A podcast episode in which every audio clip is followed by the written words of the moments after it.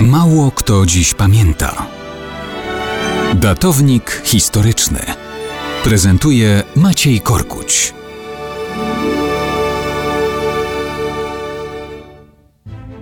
Mało kto dziś pamięta, że 30 października 1447 roku urodził się Łukasz Wacenrode. Wybitny polski duchowny, naukowiec, dyplomata, a prywatnie wuj Mikołaja Kopernika. Urodził się w Toruniu. 65 lat życia intensywnie spędził na służbie dla armii i dla Królestwa Polskiego. Studiował na Akademii Krakowskiej, potem w Kolonii i w Bolonii. Miał 31 lat, kiedy przyjął święcenia kapłańskie. Różne funkcje kościelne pełnił w różnych miastach Polski.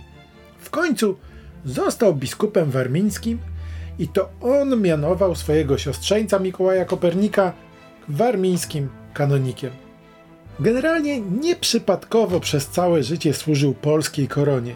Wszak jego ojciec był po polskiej stronie w wojnie trzynastoletniej przeciwko zakonowi krzyżackiemu.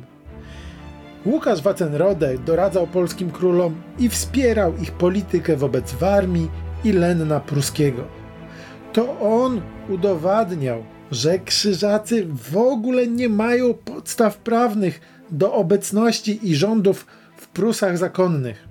Opracował projekt przeniesienia zakonu na Podole, aby tam mogli walczyć sobie przeciwko Turkom i Tatarom.